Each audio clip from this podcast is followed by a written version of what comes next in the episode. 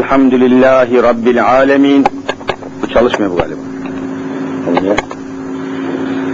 Vessalatu vesselamu ala Resulina Muhammed ve ala alihi ve sahbihi ecmain. O makineyi açmamışlar. Orada makine var ya.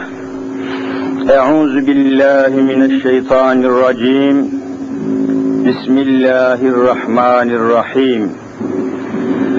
Rabbi şrah li sadri ve yessir li emri واحلل عقدة من لساني يفقه قولي آمين. بحرمة حبيبك الأمين. أما بعد فالأول الله والآخر الله والظاهر الله والباطن الله. فمن كان في قلبه الله فمعينه في الدارين الله.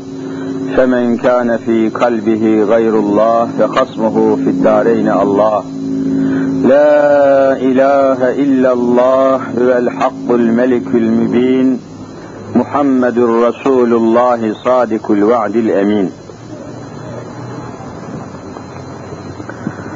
Aziz müminler, muhterem Müslümanlar, geçen ders devam ettiğimiz konuyu bugün tamamlamaya çalışalım ve ondan sonra inşallah daha sonraki vaazlarımızı, derslerimizi, sohbetlerimizi veladeti Muhammediye yani Hazreti Muhammed Mustafa sallallahu teala aleyhi ve sellem Efendimizin doğumu, yeryüzünü teşrif etmeleri, şereflendirmeleri ile alakalı dersler yapmaya başlayacağız.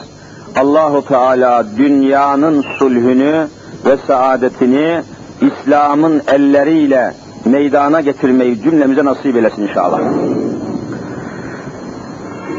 Efendiler, müminler, kardeşlerim, geçen ders يَعْلَمُونَ ظَاهِرًا مِنَ الْحَيَاةِ الدُّنْيَا وَهُمْ عَنِ الْآخِرَتِهُمْ gafilun ayetiyle sohbetimizi devam ettirmiştik. Öyle bir güruh, öyle bir kalabalık, öyle bir topluluk ki dinsiz dediğimiz, ateist dediğimiz, Allah'ın varlığına ve birliğine, kudretine, hikmetine inanmadığını açıkça söyleyen güruh yani ruhsuz bir insan topluluğu sadece yalemune görüyorlar, biliyorlar, farkında oluyorlar. Zahiran minel hayati dünya.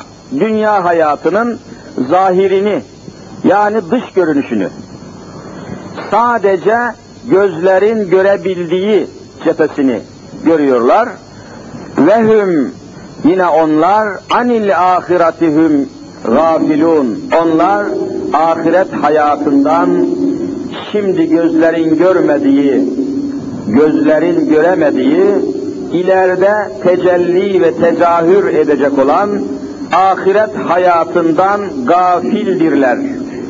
Bu gaflet onları kafir olmaya götürüyor, inkarcı olmaya sürüklüyor, ateist olmaya, dinsiz olmaya, imansız olmaya, Allahsız olmaya resmen sürüklüyor. Bu da tabii bir imtihandır. İmtihanı kazanan da olacak, kaybeden de olacaktır. Allahu Teala cümlemizi imtihanı kazananlardan eylesin inşallah. O halde sadece dünyayı dış görünüşüyle kavrayan, ahiret hayatından gafil ve cahil olan, öyle bir alemden habersiz olan, imansız olan bir topluluğun yeryüzünde hak ve adalet üzere hareket etmeleri mümkün değildir. Kimsenin hakkını ve hukukunu da korumaları mümkün değildir. Bir temsil ile bu meseleyi temsil yani misallendirmek yoluyla açıklamak gerekirse efendiler oturduğumuz evler misal olsun diye söylüyorum oturduğumuz evler kullandığımız ev aletleri, hepimizin az veya çok, eski veya yeni elektrikle çalışan aletlerimiz var. Hepimizin şöyle veya böyle evinde kullandığımız elektrik var.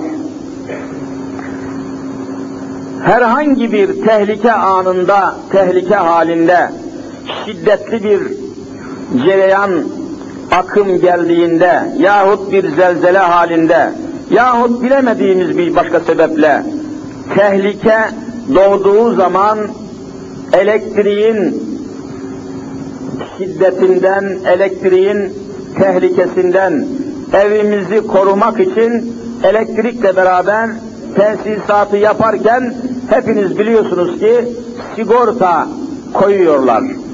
Elektrik sigortası. İçinde elektrik olan her evin ve her aletin hemen hemen tamamında elektrik sigortası var. Tehlike oldu mu sigorta atıyor ve yangın tehlikesi önlenmiş oluyor. Veya tahribat önlenmiş oluyor. Hemen herkesin bu konuda az veya çok bilgisi var. Muhakkak elektrik sigortası bulunacak. Yoksa yangın olur, tehlike olur, bela olur, musibet olur. Sigorta atarsa devreyi keser, elektrik akımı kalır, durur, yangın çıkmaz vesaire tehlikeler olmaz. Aletlerin bir kısmı da böyle. Peki böyle şiddetli akımlara karşı, tehlikelere karşı oturduğumuz evin elektriğinin sigortası oluyor da üzerinde yaşadığımız dünyanın sigortası olmaz mı diye bir an için düşünmenizi istiyorum. Oturduğumuz evlerin elektrik tehlikesine karşı elektrik sigortamız, elektrik sigortaları bulunuyor, kullanılıyor, mevcut tesisatın içinde oluyor da acaba dünyayı da bir takım sosyal felaketlerden, musibetlerden, belalardan, her türlü ahlaki felaketlerden korumak için dünyamızın da bir sigortası olur mu olmaz mı? Akıl sahipleri hiç şüphesiz ki dünyada da dünyamızın da hayatında, yaşayışında böyle bir sigortaya ihtiyaç var. Kötülüklere karşı, cürümlere karşı, cinayetlere karşı, belalara karşı, her türlü soygunlara karşı, rüşvetlere karşı, yağmalara karşı böyle bir sigortanın bulunması lazım. İşte bu sigorta yeryüzünde de insanların sulhünü bozmamak, saadetini bozmamak, adaletini bozmamak, ahlakını bozmamak için böyle bir tedbir, böyle bir sigorta Rabbi Rahim Zülcelal murad etmiş ve ahiret hayatını bu maksatla halk etmiştir. Tek kelimeyle ahiret hayatına iman etmek, hesap gününe iman etmek, günün birinde hayatımızın hesabını Allah'a vereceğimize iman etmek hususu dünyamızın sigortasıdır, dünyamızın garantisidir, dünyamızın emniyetidir. Tam adam rüşvet alacağı zaman milyonlarca, milyarlarca rüşveti haksız yere, haksız yere alacağı zaman aklına aldığı bu rüşvetin hesabını hesap gününde Allah'a vereceğine inanan bir adam o rüşveti almaya başladığı zaman birdenbire ahiret ve hesap gününe imanı sigortası atacak ve devre kapanacak. Bu adam rüşvet almaktan vazgeçecek. Eğer ahirete inanmıyorsa, hesap gününe inanmıyorsa, Allah'a hesap vereceğine imanı, itikadı yoksa, sigortasız bir elektrik akımı gibi sigorta atmayacak, o rüşveti alacak, yiyecek, kullanacak, millete, memlekete, hakka, hukuka zulmedecek. Bunu önleyecek bir şey yoktur. Başka hiçbir tedbir alamazsınız. Mümkün değildir. Tarihten bir hadiseyi de kısaca aklınızda kalırsa iyi olur düşüncesiyle aynı konuda olduğu için nakletmeyi istiyorum. Sultan Mahmud zamanında kısa anlatacağım. Sarayda vazifeli, yüksek seviyeli bir memurun sarayda, Osmanlı sarayında vazifeli, derecesi çok yüksek, hükümdarın, padişahın da çok sevdiği, çok güvendiği bir devlet memuru halkın arasında rüşvet aldığı söylenmeye başlanmış. Halk arasında rüşvet aldığı, suyu istimal ettiği, yolsuzluk yaptığı duyulmaya, yayılmaya başlamış. Padişah bir türlü ihtimal vermiyor. Adama güveniyor, inanıyor, sağlam adam, dürüst adam, temiz adam. E, peki ama halkın arasında niye bu adamın rüşvet aldığı yayılsın? Niçin yayılıyor, duyuluyor? Çok merak etmiş ve derhal tedbir almayı düşünmüş padişah. Yine çok güvendiği, çok inandığı bir kişiyi çağırmış demiş ki evladım falan memurun bütün gün ne yaptığını, ne ettiğini, nereye gittiğini, ne aldığını, ne verdiğini takip etmek üzere seni müfettiş tayin ediyorum. Adım adım izleyeceksin, 30 gün takip edeceksin, sonunda bana getirip raporunu vereceksin demiş. Özel bir dedektif, özel bir müfettiş, özel bir kontrol memuru. Bu memur kişi, bu dedektif, bu müfettiş olan zat, hakikaten halk arasında rüşvet aldığı söylenen o yüksek seviyeli memuru adım adım adım çaktırmadan takip ediyor. Pazarda, piyasada, içeride, dışarıda neyse gücü yettiği kadar takip ediyor. Hiçbir suistimaline, hiçbir yolsuzluğuna rastlamıyor. Gelip diyor ki sultanım, canımı dişime taktım, adamı takip ettim, hiçbir kötü haline, kötü yoluna suistimal rastlamadım diyor. Pekala. Aradan zaman geçiyor, yine tebdili kıyafet ederek Sultan Mahmud halkın arasında, pazarda, piyasada dolaşıyor. Yine herkesin ağzında bu yüksek seviyeli memurun rüşvet aldığı yayılıp duruyor. Allah Allah! Ya Rabbi ne yapayım diyor, nasıl bulayım, nasıl yakalayayım? Ne diyeyim, adamda bir şey yok, teftiş ettim yok, murakabe ettim yok, adı, arkasına adam taktım yok. Nasıl bu halk hiç bunu söylüyor? Çaresiz kalıyor, bakın şimdi, deminki ayet-i ilahiyede ifade edilen noktaya geliyor hadise. Çaresiz kalıyor padişah, bizzat halkın arasında rüşvet aldığı söylenen o yüksek seviyeli memuru huzuruna çağırıyor. Bizzat kendisi direkt huzuruna çağırıyor. Diyor ki evladım sen diyor benim çok güvendiğim bir saray memurusun. Devlet memurusun. Sana itimadım sonsuz diyor. Sana güvenim sonsuz. Ancak diyor sana güvenebilirim, sana inanabilirim. Benim özel bir işim var diyor, özel kendime mahsus bir işim var. Bunu diyor sana emanet, sana havale etmek istiyorum. Başımın üstüne diyor sultanım buyurun diyor adam. Diyor ki Sultan Mahmud, Ayasofya Camii Şerifinin diyor giriş kapısında sabah namazından önce Allah'ın sevdiği ve kimsenin halinden haberi olmayan bir fakir Müslüman var. Gelip o kapının diyor kenarına oturuyor, abasına bürünüyor, cübbesine bürünüyor, yüzünü bile göstermiyor hayasından ve iffetinden. Onun halini bilenler ona yardım ediyor, o da onunla geçiniyor. İşte diyor bu sabah, önümüzdeki sabah diyor aynı fakire de ben bir kese altın göndermek istiyorum diyor.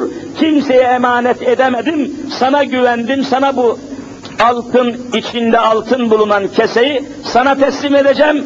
Sen de diyor götürüp o fakire Ayasofya Camisi'nin kapısında cübbesine bürünmüş, sadece gözleri görünen o fakire, o fakirullah'a teslim edeceksin diyor. Aler ra'si vel ayn sultanım diyor. Başıma, başımın ve gözümün üstüne fermanınız, emriniz, arzunuz başımın üstündedir. Derhal yerine getireceğim diyor. Hemen bir kese hazırlanıyor. İçine 50 tane altın koyuyor padişah. 50 tane Osmanlı altını koyuyor. Kesenin ağzını kapatıyor.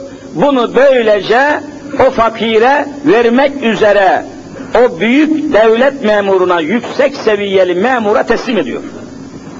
Dikkat! Padişahın kendisi de bahsettiği Ayasofya Camisi'nin kapısında, dış kapısında abasına, cübbesine bürünmüş vaziyette oturuyor dediği fakir, fakir de kendisi oluyor. Bizzat kendisi. Sabah namazından çok önce gidiyor, cübbesine sarılmış vaziyette Ayasofya Camisi'nin kapısının önüne bağdaş kurup fakir gibi rol yaparak rol icabı oturuyor. Padişahın kendisi oturuyor. Dilenci rolünde, fakir rolünde. Bakalım bu devlet memuru hakikaten o keseyi içinde al, 50 tane altın bulunan keseyi getirecek mi, getirmeyecek mi? Çünkü kimsenin bir tek o fakir bilecek, bir de Allah bilecek. Kimsenin haberi yok bu işten. Kimsenin haberi olmayan bir hadise. Hakikaten gözlemeye başlıyor padişah. Bakalım halkın rüşvet alıyor dediği ve kendisinin de asla yakalayamadığı bu yüksek memur bir de bakıyor ki gelmeye başladı, uzaktan çıktı. Alaca karanlık sabah namazından önce çıktı geliyor. Ha diyor ya iyi adam geliyor. Kaçtığı göçtüğü yok bu adamın. Geliyor sessizce fakir bildiği o halbuki padişahın kendisi oturuyor orada. Yaklaşıyor diyor ki ey fakir padişahımız efendimiz Sultan Mahmud Han bu hediyeyi sana gönderdi diyor. Keseyi fakirin kucağına atıyor hemen geri dönüp gidiyor. Hızla geri öyle tembih edilmiş kimseye görünmeden çekil git demiş. Çekilip gidiyor o gittikten sonra hemen keseyi açıyor, bakıyor ki içinde beş tane altın var, 45 tanesi alınmış. Ya kimse görmüyor ya, kimse bilmeyecek ya, kimsenin haberi olmayacak ya, kimsenin tespiti mümkün değil ya, padişahın gelip oraya oturacağı aklına gelmiyor ya. Bizzat kendisi yakalıyor ve siyaseten bu belanın önüne geçmek için Sultan Mahmut bu, bu çok sevdiği halde bu memuru idam edip 10 gün esnafın ortasında cesedini per ağacında sallandırıyor böyle. Ondan sonra sıkar biraz rüşvet almak. Ondan sonra biraz sıkar. Biraz yürek ister bu işi yapmaya, soygun yapmaya, rüşvet almaya, yolsuzluk yapmaya biraz ona yürek ister, ona biraz cesaret ister. Kimse cesaret edemiyor. E şimdi düşünün ta o zaman hiç kimsenin görmediği, hiç kimsenin bilmediği, hiç kimsenin girmediği, gelmediği bir zeminde o memuru, o rüşveti, o yolsuzluğu, o haramı, o emanete hıyaneti işlemekten alıkoyacak hiç kimse yoktu. Eğer Allah'a ve hesap gününe gerçekten inanmış olsaydı sigorta atacaktı. O 45 altını alabilir miydi, alamaz mıydı? Alamazdı. İşte mesela burada. İşte toplumun, insanların kötülüklerinin, cürümlerinin, cinayetlerinin önüne geçmenin bir numaralı çaresi itikadi meselede gelip toplanıyor. Eğer nesillerimizi, insanlarımızı, toplumumuzu bu manada eğitmezsek, öğretmezsek, milli eğitimi, İslami eğitime tebdil etmezsek, yetişen neslin önünü kimse alamayacaktır. Milli eğitimin kaldırıp, İslami eğitimin yerine konması lazım. Laik eğitimin kaldırılıp, İslami eğitimin yerine konması lazım laikliğin kökünden kazınıp kaldırılıp yerine Allah'ın nizamının konması lazım. Başka hiçbir çare ve hiçbir çözüm bulamazlar. Evet. İşte bakın İSKİ skandalının kahramanı şu anda tutuklu bulunan zat mahkemede konuşursam hükümetin hemen çökmesi lazım diyor. Yemeyen kalmamış, çalmayan kalmamış, toparlamayan kalmamış, zıkkımlamayan kalmamış. Bakanlardan başkanlara kadar. Ve hiç kimsede utanmak yok, çekilmek yok, istifa etmek yok, hiçbir şey yok. Hepsi yerinde oturuyor. Niye? E bunların hiçbirisi Allah'a ve ahirete inanmıyor. Yediğim yediktir diyor, dediğim dediktir diyor, vurduğum vurduktur diyor. Herkesin yanına kalıyor. Kalmayacak. Ve hum anil ahiretihum gafilun. Onlar ahiret hayatından gafil olanlardır. Kafir olanlardır. Kalmayacak. Kimsenin yanına kalmayacak. Kimsenin yanında kalmayacak. Hepsi Allah tarafından suale çekilecek. Hesaba çekilecek. Ama işte bütün bu veballerin, günahların, haramların, zıkkımların, rüşvetlerin, rezaletlerin failleri onlar olduğu kadar bu milletin kendisi de sorumludur. Bu şerefsizler ne kadar şerefsizse bunları o görevin başına getirenler, o kişileri seçip o noktaya getirenler de aynı onlar kadar şerefsizdirler. Sorumluluğumuz var. Bunlar havadan gelmedi bu yağmacılar. Bu hainler, bu kafirler. Kendileri havadan gelmedi. Bunları oraya getirenler var. Onlar ne kadar sorumluysa onları seçenler ve sevenler de o kadar sorumludurlar. Hiç kurtuluş yoktur. Hiçbirimiz hesapsız cennete gidemeyeceğiz. Allahu Teala hiç kimseyi hesaba çekmeden cennete de göndermeyecek, cehenneme de göndermeyecek. Hesap var. Bunu böyle bilmek lazım. Efendiler, bütün bu çektiğimiz sıkıntıların, sarsıntıların, ahlaksızların, ahlaksızlıkların sorumluları bir ölçüde de milletin kendisidir. Milletin kendisi. Millet nasılsa o milletin hükümeti de öyledir. Bunu bir milletin içi bozulmadan içi, bir milletin ahlakı, bir milletin fazileti, bir milletin karakteri bozulmadan Allah o milletten emanetini almaz. İnna Allah la yugayyiru ma bi kavmin hatta yugayyiru ma bi enfusihim ayeti kerimesi açıkça meseleyi izah ediyor. Allahu Teala bir kavim, bir millet kendisini bozmadan, ahlakını bozmadan, haya ve iffetini bozmadan, adaletten sapmadan Allah o milletten elini çekmez diyor. Adaletten ayrıldı mı, faziletten ayrıldı mı, merhametten ayrıldı mı ve karakterini kaybetti mi Allah o milletin üzerinden elini çeker, o milletin gel başına gelecek belaların sayısını kimse. Bugün biz bunu yaşıyoruz. Kendi ellerimizle kendi ihtiyarımızla, kendi halimizle bu noktaya gelmiş bulunuyoruz.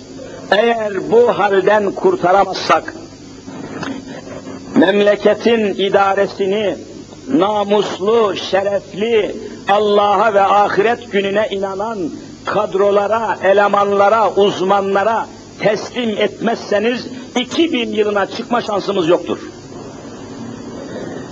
Bunu çok açık ifade ediyorum. Tehlikeler burnumuza, burnumuzun dibine kadar vallahi gelmiştir.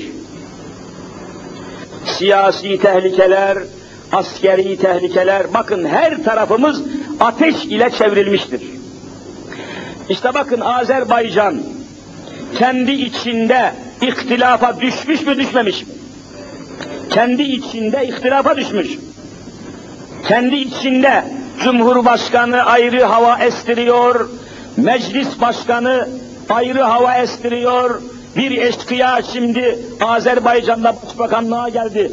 Hüseyin Suret Hüseyinov, eşeğin teki. O ayrı bir hava estiriyor eskiya, eski komünistlerden. İçeride birbirlerini yerken onlar, şimdi görüyor musunuz Ermeniler ekin biçer gibi biçim biçmiyor mu? Bakın Allah nasıl belalarını verdi onların. Kendi içinde ihtilafa düşen, ayrılığa düşen, rezalete düşen, rüşvete, suistimale düşen milletleri Allah derhal ortadan kaldırıyor. Hiç affı yoktur. Görüyorsunuz. İşte Kıbrıs. Bakın Kıbrıs kesinlikle söylüyorum elimizden çıkmak üzeredir. İşte Rauf Denktaş ayrı hava estiriyor. Efendim başbakan bilmem durmuş kim ayrı hava estiriyor. 10 tane parti, 5 tane parti birbirlerini yemeye çalışırken Yunanistan Kıbrıs'ı vallahi yutmak üzeredir. Kendi içinde ayrılığa düşen milletler hayvan sürüsü gibidirler. Bir kurt gelir hepsini kapar. Türkiye'de bu hale geldi. Düşünün köyleri basan kundaktaki çocuklara kadar katleden katillerin bir kısmı milletvekillerinin kaldığı millet meclisine ait olan lojmanlarda 40 gün ikamet edebiliyor mu edemiyor mu? İçimizin ne hale geldiğini görüyor musunuz? Millet meclisinin ne hale geldiğini görüyor musunuz? Belediyelerimizin ne hale geldiğini görüyor musunuz? Şu skandalları, rüşvetleri duymuyor musunuz? Bunlar yıkılışımızın işaretleridir ve verdiği seslerdir. Eğer aklımızı başımıza almazsak, bu rezilleri, bu namussuzları, bu yeyicileri, bu hırsızları, bu hayasızları, bu uğursuzları eğer ortadan kaldırmazsak millet diye bir şey kalmayacaktır. Durum çok vahimdir. Korkunçtur. İçtiğiniz şu suya kadar her şey içmelidir. Düşünün o kadar klor katmışlar ki haddinden fazla klor katmışlar, insanların büyük çoğunluğu hastanelere düşmek zorunda ve kanser hastalığının pençesine düşmektedir. 4 bin liraya aldıkları klor maddesini 13 bin liradan fatura keserek milletten çıkarmışlar paralarını. Hepsi şerefsiz bu adamların. Ve bu adamları iş başına getirenler de şerefsiz. Kimse ben sorumsuzluk içindeyim diyemez. Herkes sorumludur. Ama derece derece, kimisi bir derece, kimisi bin derece sorumludur. Efendiler, müminler, kardeşler, Müslüman olmamızın, Müslüman olduğumuzun bir farkı, bir tecellisi olmalıdır. Hani Müslümanlar Allah'tan korkan insanlardı. Hakka ve hukuka saygı duyan insanlardı. Hani nerede bu Müslümanlar? Vallahi şaşırmış kalmışız. Nerede bu Müslümanlar? Hakka ve hukuka, kul haklarına saygılı, Allah Resulü'nün ifade ettiği, tanıttığı, belirttiği bu Müslümanlar nerede? Düşünün ki kainatın efendisi Hazreti Muhammed Mustafa sallallahu aleyhi ve sellem kul hakkı bakımından bakın şu hadisi şerifi dehşetle haber veriyor.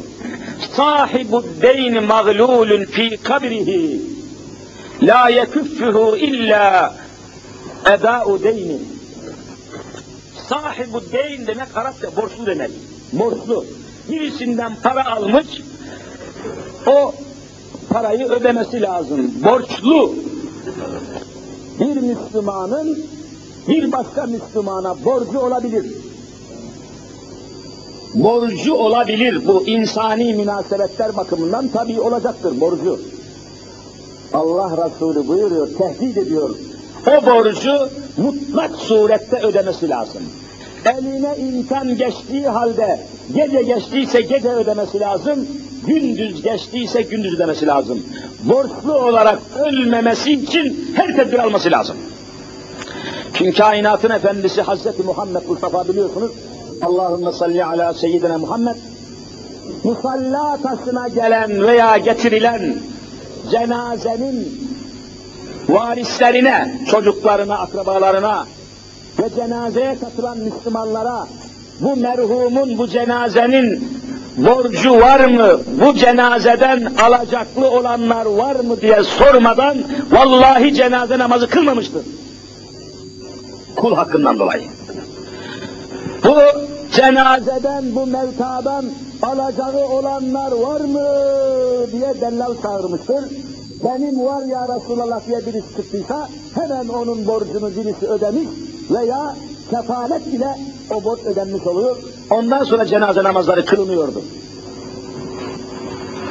E düşünün gösterilen hassasiyete bakın. Sahibu deyni yani borçlu insan öldüğü zaman mağlulun fi kabrihi o borçlu ölen Müslümanın ruhu mezarında zincirlere, prangalara vurulacak, askıda kalacaktır diyor Peygamber. Borçlu ölen Müslümanın ruhu askıda kalacaktır. Mağlulün zincirlenecektir diyor. Zincir diye bir şey var. Tabi azabı ilahi zinciri. La yekuffuhu o zincirden o borçlu insanın ruhu çözülmeyecek. İlla kada udeynihi ne zaman borcu ödenirse o zaman ruhu çözülecektir. Ahirete inanan bir adam, mezara inanan, kabre inanan, hesap gününe inanan bir adam bu hadis-i şerifin karşısında titremesi lazım mı değil mi? Kılımız bile kıpırdamıyor bizim. Bizim neremiz Müslüman kardeşler? Biz nasıl Müslümanız, ne derece Müslümanız, kaç derecede Müslümanız? Hiçbir Müslüman oturup da muhasebesini yapmıyor, hesabını yapmıyor, kitabını yapmıyor ve gaflet içinde, cehalet içinde ve görülmemiş bir vurdum duymazlık içinde hayatımız akıp gidiyor, hiçbir şeyin farkında değil. Ama Kur'an ne diyor? Allah'ın kitabı ilahi zinciri. La yekuffuhu o zincirden o borçlu insanın ruhu çözülmeyecek illa kada udeynihi ne zaman borcu ödenirse o zaman ruhu çözülecektir. Ahirete inanan bir adam, mezara inanan, kabre inanan, hesap gününe inanan bir adam bu hadis-i şerifin karşısında titremesi lazım mı değil mi? Kılımız bile kıpırdamıyor bizim. Bizim neremiz Müslüman kardeşler? Biz nasıl Müslümanız, ne derece Müslümanız, kaç derecede Müslümanız? Hiçbir Müslüman oturup da muhasebesini yapmıyor, hesabını yapmıyor, kitabını yapmıyor ve gaflet içinde, cehalet içinde ve görülmemiş bir vurdum duymazlık içinde hayatımız akıp gidiyor, hiçbir şeyin farkında değiliz. Ama Kur'an ne diyor? Allah'ın kitabı ikaz etmek için insanları, ikaz etmek için Müslümanları, ikterabe linnâsi hesabuhum ve hum ikterabe linnâsi hesabuhum her saniye, her dakika insanlara hesap günü yaklaşmaktadır diyor. Bakınız ikterabe linnâsi hesap, hesap diye bir şey var. Ama her saniye kolunuzdaki saatin saniyesine bakın, her saniye o hesap gününe yaklaşıyor musunuz, yaklaşmıyor musunuz? Hadise burada. Ama bütün bunlar inanmış insanlar için. İnanmış insan ile inanmamış insanın arasında işte demin dediğim gibi hesap gününe inanmışsa hesaplı hareket etmesi lazım. Hesap gününe inanmamışsa bu adamın tabii ki hesaplı hareket etmesi, onun bunun hakkını yemekten korkması mümkün değildir. Ezecektir, çiğneyecektir ve istediği şekilde suistimal yapacaktır. Toplumumuzu, nesillerimizi ve çocuklarımızı bu manada eğitemezsek, İslam eğitimi veremezsek, yetiştiremezsek, bakın toplum ne hale gelecek derken, düşünün, bilhassa yeni yeni siyasi yapılanmalarda partilerin başına geçmek için aday olanlar, çalışanlar, çırpınanlar şu günlerde hayli yoğun çalışmalar içerisinde bir partinin başına parti başkanı, genel başkan olmak için aday olan birisi o gün bir konuşma yapıyor. Konuşmasında aynen şunu söylüyor. Türkiye'nin önünde önündeki en büyük tehlike olarak mahallelerde kurulan, kurulduğu söylenen Kur'an kurslarıdır. Türkiye'nin en büyük tehlikesi Kur'an kursudur diyor. Bir partinin başına genel başkan olmak için adaylığa soyunan bir herif bu. Aynen Türkiye'nin önünde en büyük tehlike Kur'an kurslarıdır. Kur'an kursları bir takım vakıflar tarafından kurulan yurtlar da karanlık odaklardır. İktidara geldiğimiz zaman bu kursları derhal kapatacağız diyor. Biz neden bahsediyoruz? Adamlar neyi tehlike olarak görüyorlar? Kur'ansız olmanın, imansız olmanın tehlikelerini anlatıyoruz. Adamlar nasıl düşünüyorlar? Ahirete inanmayan neslin içtiğimiz suyu nasıl yağma ettiklerini söylüyoruz. Adamlar ne düşünüyorlar? Efendiler, işte onun için diyorum ki bu tehlikeli gidişi durduramasak, bu kontrolsüz, bu freni patlamış bir araba gibi giden bu toplumu durduramasak 2000 yılına çıkamayız. Etrafımız düşmanlarla sarılı. Bütün düşmanlarımız şu anda Yahudi ve Hristiyanlar. Yahudilerin başında hahamlar, Hristiyanların başında papazlar, din adamlarıyla Türkiye'nin üzerine çullanıyorlar. Çullanıyorlar. Biz de Kur'an kurslarını, imam hatipleri kapatmak için çalışanlara yarın papazlar saldırırsa hiç şaşmasınlar. Papazlar, patrikler, papalar el birliğiyle bakın neler hazırlıyorlar, ne korkunç felaketler hazırlıyorlar.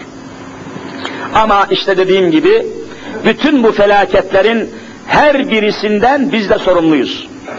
Biz de kendi ölçümüzde bu sorumluluğun içinde payımız var. Bu felaketlerin içinde hissemiz var. Payımız var.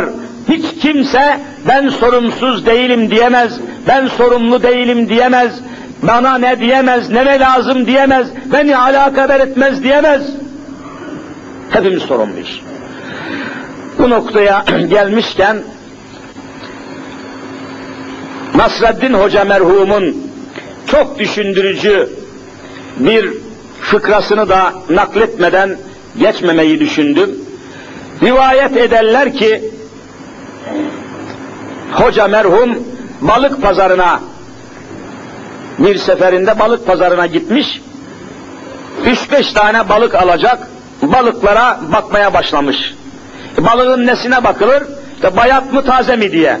Kokmuş mu kokmamış mı diye bakılır. E, bu iş için de balıkların başına bakılırmış. Zira balıklar nereden kokar? Baştan kokar. Balıklar baştan kokar. Bozuk mu değil mi, kokmuş mu değil mi diye balıkların başına bakılması lazım. Hoca merhum balıkların başına bakmamış. Kuyruklarını kaldırıp kuyruğuna bakmaya başlamış. Kaldırdığı balığın kuyruğuna bakıyor. Kaldırdığı balığın kuyruğuna bakıyor. Adam merak etmiş satıcı. Demiş ki hocam hayırdır inşallah demiş. Eğer balıkların bozulup bozulmadığına bakıyorsan baştan bakman lazım. Çünkü balıklar baştan bozulur, baştan kokar demiş. Sen niye kuyruğuna bakıyorsun?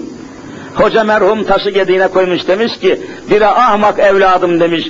Balığın baştan koktuğunu bilmeyen yok, çocuklar bile biliyor. Ben de onun farkındayım. Ancak bakıyorum demiş, senin balıklarının bozukluğu kuyruğa kadar yayılmış mı yayılmamış mı? Ona bakıyorum demiş. Vallahi memleket bu hale geldi. Çankaya'dan gece bekçisinin oturduğu kulübeye kadar bütün memleket bozuk.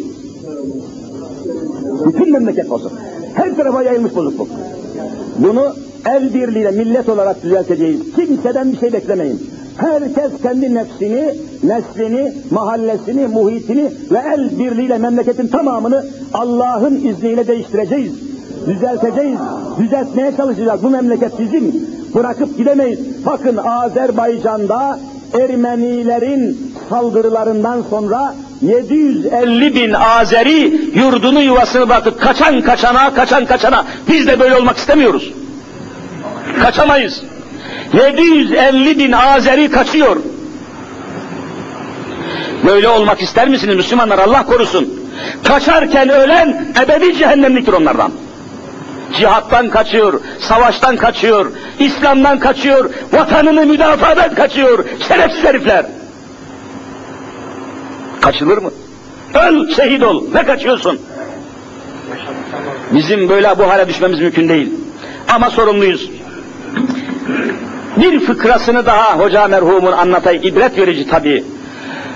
Çok sıcak bir mevsimde işte bugünler gibi 30 derece, 35 derece Ağustos, Temmuz sıcağında başında sarığıyla, sırtında cübbesiyle, ayağında çarığıyla, elinde asasıyla hoca merhum uzuk, uzun bir yola çıkmış bir köye, bir mesele için bir köye gitmek üzere yola çıkmış. Yol uzun, hazırlığı da yokmuş hocanın, hava da şiddetli, çok sıcak, yolun yarısında susamaya başlamış. E susuzluk da başka bir şeye benzemez. Adamın gözünü karartır, şuurunu karartır. Biraz gidersem suyu bulurum düşüncesiyle yürümüş fakat su yok, su yok, su yok. İyice halsiz kalmış hoca, çaresiz kalmış, sebeplerden faydalanamamış, başlamış Rabbül Alemine sığınmaya hani biraz da nazlı hoca, evliya hoca, nazlı bir hoca demiş ki ya Rabbi olmaz demiş senin hazinende su mu yok ver su içeceğim boğuluyorum demiş. Rahmetli nazlı bir adam Allah ile arası çok iyi. Senin hazinende rahmet mi yok su mu yok demiş. Halk et bir yerden bir şey o suyu içeyim yoksa demiş ölüyorum ha karışmam ya Rabbi demiş. Koca bu. Derken biraz tepeyi aşmış bir yeşillik görünmüş. Yeşillik görünmüş. Ha yeşil olan yerde su olur demiş. Biraz zor bela yürüdükten sonra o yeşillik olan yere gelmiş hakikaten her taraf yeşil yemyeşil. Bir kaya parçası var kocaman bir kaya. Onun da üzerinden hafif su sızarak iniyor. Damlamak bile yok sızıyor. Sızıntı halinde bir su var. Ya burada su var demiş bu su niye güzel güzel akmıyor, gürül gürül akmıyor da sızıntı şeklinde geliyor. Yaklaşmış kayanın yanına suyun sızdığı yere bakmış ki o su bir delikten sızıyor. Delikten geliyor, sızıyor. Ha demek burada su var demiş. Biraz daha dikkatli bakmış ki o deliğe çok muhkem bir kazık çakmışlar. Öyle bir kazık çakmışlar ki Hoca başlamış demiş ya Rabbi ne zalim insanlar var. Hiç buraya kazık çakılır mı ya? Ne güzel su akıyormuş. Kim bu suyu durdurdu? Kim bu suyun akıntısını kesti diye başlamış teessür göstermeye ve bir yandan da o kazığı bütün imkanını zaten kudreti kalmadı, kuvveti kalmadı. Son bir kuvvetle, kudretle o kazığı zorlamış, sallamış, sarsmış, yerinden oynatmış. Yerinden oynatmış, son bir tedbir ile besmele ile kazığı çektiği gibi yerinden çıkarmış ama arkadaki tazikli su hocanın göğsüne fışkırmış, çarpmış göğsüne, hoca tepe takla gitmiş. Sarıp gitti bir tarafa, kafası kırılmış, üstü başı çamur olmuş, perişan halde kapmış, gelmiş böyle gümbür gümbür tazikle akan o çeşmenin başına gelmiş demiş ki, bire mübarek çeşme demiş, insan gibi aksaydın, kıçına bu kazığı sokmazlardı lan senin demiş. Tevekkeli mi sokmuşlar bu kazığı buraya? E biz de gerçekten gerçek bir Müslüman millet olsaydık İSKİ kazığını bize yediremezlerdi. İSKİ kazığı, Cumhuriyet'in en büyük kazığıdır bu. Laikliğin en büyük kazığıdır. Ahirete inanmayanların en büyük kazığıdır İSKİ kazığı. Hadi yiyin bakalım, yutun. Yutulur kazık mıdır, yenir kazık mıdır bu? Biz millet değiliz, biz, biz. Bizde iş yok. Biz cemaat değiliz, biz Müslüman değiliz doğru dürüst. Yoksa kaç paralık insanlar onlar ya? Senin suyunu tarumar edecekler. Senin verdiğin vergiyi tarumar edecekler. Senin verdiğin memleketin öz kaynaklarını köpekler gibi harcayacaklar. Mümkün mü? Sen insan değilsin sen. Sen Müslüman değilsin gerçek. Bu millet gerçek millet, millet olamadıkta daha nice kazıklar yiyecek, daha nice belalarla karşı karşıya gelecek. Allahu Teala daha başka belalar, musibetler vermeden, Bosna'nın başına gelen belalar gelmeden, Azerbaycan'ın başına gelen belalar gelmeden, Somali'nin başına gelen belalar gelmeden, Cezayir'in başına gelen belalar gelmeden 2000 yılına çık. Pazar gününü pazar tesiye bağlayan gece biliyorsunuz ne gecesidir? Mevlid gecesidir unutmayın. Hazreti Muhammed Mustafa sallallahu aleyhi ve sellem Efendimizin dünyayı teşrif ettikleri, dünyayı doğumlarıyla şereflendirdikleri veladet gecesidir. Pazarı pazartesiye bağlayan gece. 11 Rebiul Evveli 12.